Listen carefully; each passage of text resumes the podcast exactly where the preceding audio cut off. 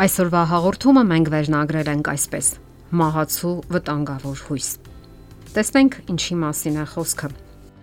Երբեք մարդն այսքան մեծ ազատություն չի ունեցել կատարելու իր ռոմանտիկ ընտրությունը ընտրելու նրան, ով կլինի իր կյանքի հավատարիմ ուղեկիցը, ինչպես նաև ընտրություն ավարտելու հարաբերությունները, եթե այն չի համապատասխանում իր սպասումներին, եթե գտնվում է խապված վիճակում կամ ապրում է ֆիզիկական ու հոգեբանական բռնության պայմաններում։ Սակայն հաճախ ստացվում է այնպես, որ նույնիսկ ենթարկվելով բացահայտ բռնության, կինը չի կարողանում հեռանալ այդ իրավիճակից եւ քայլեր ձեռնարկել փոխելու իրավիճակը ինչն է պահում նրան ընտանեկան դժողքում։ Պարզվում է, որ այդ կախարդական սոսինձը, որն ամրապնդում է այդպիսի հարաբերությունները, հույսն է։ Հույս, որ մի օր ամեն ինչ այլ կլինի։ Հոգեբան հոգեվերլուծաբան Նատալիա Դորֆման Կյարինին այն տեսակետին է, որ այդ հույսը երբեք չի արդարանում։ Նա գրում է, որ բռնությունը միշտ զարգանում է փուլային եղանակով։ Լարվածության կൂട്ടակմանը հետևում է ագրեսիայի պայթյունը, ապա սկսում է դաթարի վիճակը կամ այսպես ասած մեղրամիսը։ Ագրեսորը ներողություն է խնդրում, փորձում է քավել մեղքերը եւ ինչ որ ապարքեվատրումներ է անում իր զոհին։ Եվ քանի որ այդ փուլում կինը հոգեբանական կամ նյութական առավելություններ է ստանում, նրա համար դժվար է միանշանակ գնահատել այն իրավիճակը, որի մեջ հայտնվել է ինքը։ Պարքեվատրումներ ստանալով նա կարծես թե չի տեսնում իրեն հասցված կորուստները Հարցն այն է, որ նա տեսնում է հակադիր բևեռներ եւ բռնությունը եւ երբեմն ուշադրություն իր հանդեպ։ Իրականությունը կարծես երկու մասի է ճեղքվում եւ նա չի կարողանում ողջ պատկերը տեսնել։ Եվ ահա փորձելով հասկանալ, թե ինչ է տեղի ունենում, կինը կարճում է այն գաղափարից, որ ինչ որ լավ բան այնուամենայնիվ կա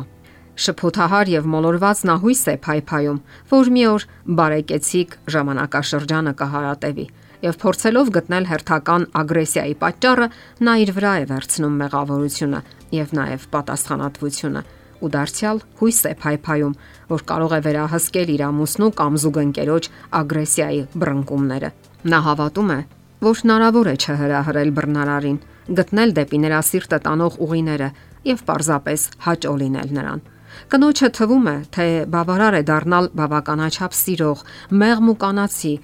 որ բավական է լռել եւ նա կդառնա թագուհի։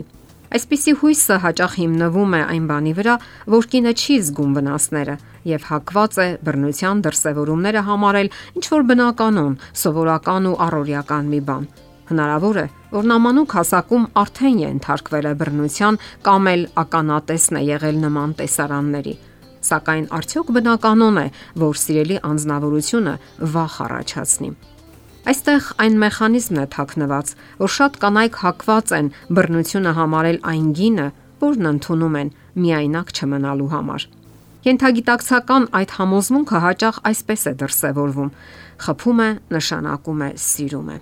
Կանայք կարծես վտանգավոր խաղ են խաղում, որը խլում է նրանց ամբողջ ուժերը եւ որը թվում է հսկայական պարգև է խոստանում։ Սակայն այդ խաղի ավարտը այլ է եւ հաղթանակ երբեք չի լինի բռնությունը երբեք չի դադարում։ Բռնարարը առանց դրա պարզապես չի կարող ապրել։ Այդ դաթարները կամ մեղրամիսը, այսպես կոչված, ընդհանրը թակարդներ են, որ դնում է որ սորդը իր զոհի համար։ Եվ բավական է կինն ընդունի իր բռնարարի ներողությունը կամ ապարքևները, բռնության հերթական ալիքները դառնում են անխուսափելի եւ բռնության դրսեւորման նոր փուլերին զուգընթաց այդ բռնությունները դառնում են ավելի ու ավելի դաժան ու վտանգավոր, թե հոգեբանական առումով եւ թե նույնիսկ սպառնում են կյանքին։ Իսկ ինչպես կարելի է խուսափել բռնություններից։ Հիշենք որոշ խորհուրդներ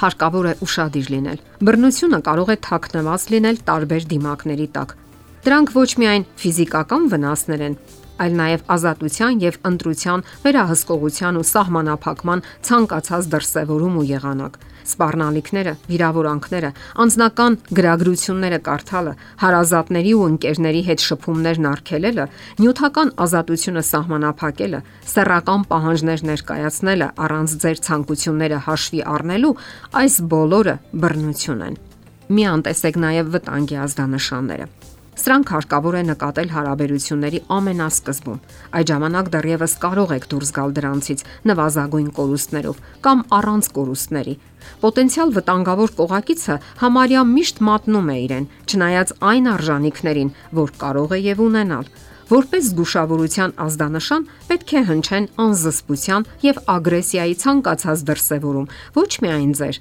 այլ նաեւ ուրիշների հանդեպ։ Եթե ցանկանում է վերահսկել ձեզ, սահմանափակել շփումները, անարթարացի պահանջներ է դնում, դրանք արդեն տագնապի ազդանշաններ են։ Եթե նա շարունակում է անել այն, ինչը ձեզ համար տհաճ է, անտեսելով դրանք դադարեցնելու ձեր պահանջները, ապա դա արդեն առիթ է հարաբերությունները խզելու համար։ Նաև դուք պետք է վստահեք ձեր զգացմունքներին։ Ուշադրություն դարձրեք այն բանին, որ բռնարարը երբեք չի ընդունում ձեզ հասցված վնասը, ժխտում է ակնհայտ բաները եւ ձեզ վրա է դնում պատասխանատվությունը։ Եթե ձեզ թվում է, որ նա ձեզ ցավ է պատճառում, ապա դա չի թվում։ Եթե ձեզ համար սարսափելի է նրա կողքին լինելը, ապա ժամանակն է հոգալ սեփական անվտանգության մասին։ Նաև պետք չէ լռել մոռացեք կեղծ ամոթի մասին եւ մարդկանց պատմեք ձեզ սпарնացող վտանգների մասին։ Գտեք մարդկանց, ովքեր կարող են օգնել ձեզ եւ կարճեք նրանց օգնությունից եւ վերջապես եղեք ձեր կյանքի նավապետը։ Ունեցեք ձեր աշխատանքը, ապրելու վայրը եւ գումարային ապահովությունը եւ մարդիկ, ում կարող եք դիմել ծանր պահերին։ Ելքը մեկն է՝ երբեք չհաշտվել բռնության հետ։ Հարցերի եւ առաջարկությունների դեպքում զանգահարեք 041 08 20 93 հեռախոսահամարով։ Հետևեք մեզ hopmedia.am հասցեով։